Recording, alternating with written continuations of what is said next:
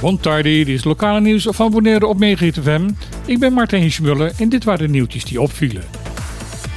Al vrij snel na de invoering van de nieuwe toeristentax in juli afgelopen jaar kwamen berichten over een website die zich voordeed aan zijn officiële website van het OLB en waar de QR-code voor de bezoekersbelasting voor een hoger bedrag dan de normale 75 dollar aan te vragen was. Uit onderzoek van de cyberafdeling van Korpspolitie Caribisch Nederland bleek dat de aanbieding van deze service voor een hoger bedrag dan de officiële belasting wettelijk niet verboden is. De conclusie was daarom dat er niet veel aan gedaan kon worden. Wel heeft de Tourism Corporation Bonaire en het OLB de toeristische organisatie opmerkzaam gemaakt op deze praktijken en gevraagd of ze hun klanten hiervoor wilden waarschuwen. Dat blijkt niet veel geholpen te hebben. Als je nu bij Google Visitor Enter Text Bonaire intypt, krijg je nog steeds als eerste een commerciële aanbieder te zien. Hoeveel mensen hier de dupe van zijn geworden is niet duidelijk, maar volgens de website Dossier Koninkrijksrelaties zou het alleen in december vorig jaar al vele honderden zijn geweest. Volgens deskundigen zou de oplossing vrij eenvoudig zijn, namelijk het aanvragen van QR-codes via bepaalde websites blokkeren. Of de OLB dat ook gaat doen is nog niet duidelijk. Wel wordt iedereen in de toeristenbranche aangeraden om hun klanten hiervoor nog een keer extra te waarschuwen.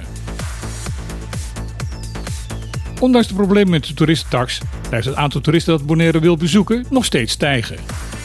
Volgens de opgave van TCB kwamen er in 2022 37% meer bezoekers naar het eiland dan voor de covid-crisis.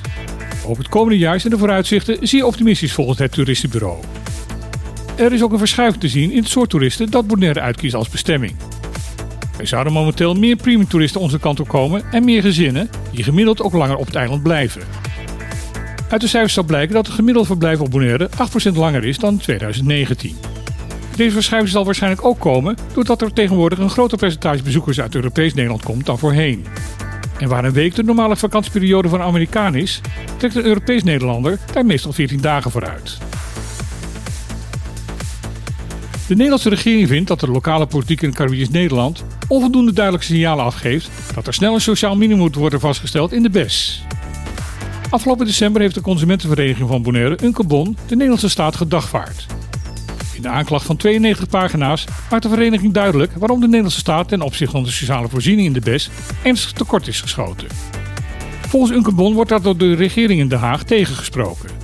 Daar vindt men dat de politiek in de BES dit punt hoger op de prioriteitenlijst had moeten zetten. Daarom doet Unkebon een dringend beroep op de politieke partijen van de drie eilanden om tijdens de huidige verkiezingstijd helder te zijn over de noodzaak van een sociaal minimum in Caribisch Nederland. Dit staat in een brief die Unkebon twee weken geleden naar de verschillende lijsttrekkers heeft gestuurd. Daarin staan ook twee vragen aan de politici. Moet er op korte termijn een sociaal minimum komen en steunt de partij de rechtszaak van Unkebon tegen de staat der Nederlanden? Volgende week zal Unkebon de antwoorden op deze vragen gaan publiceren. Het leek een appeltje-eitje, maar dat viel tegen. Staatssecretaris Alexander van Huffelen van Koninkrijksrelaties wilde via een koninklijk besluit de Eilandsraad van Sint Eustatius na de verkiezing van 15 maart weer het recht teruggeven voor het opstellen van een eigen budget. Dit in het kader van het herstel van de democratie op het eiland dat sinds 2018 onder curatele van de Nederlandse regering staat. Van Huffelen wilde daar een hamerstuk van maken zonder een debat erover. Dat liep echter anders. In de vergadering van de Kamercommissie van Koninkrijksrelaties bleken de fracties van VVD en CDA flinke problemen te hebben met het voornemen van de staatssecretaris. Ze vroegen daarom in een motie om een debat over dit onderwerp. Omdat de twee fracties vlak voor de stemming over de motie extra Kamerleden naar de commissievergadering lieten komen, werd de motie met 6 tegen 5 stemmen aangenomen. Naar verwachting zal het nu noodzakelijk geworden debat op 8 maart in de Tweede Kamer gehouden worden. Dit was weer het lokale nieuws op Megahit FM. Ik wens iedereen nog een hele mooie dag en dan graag weer tot morgen.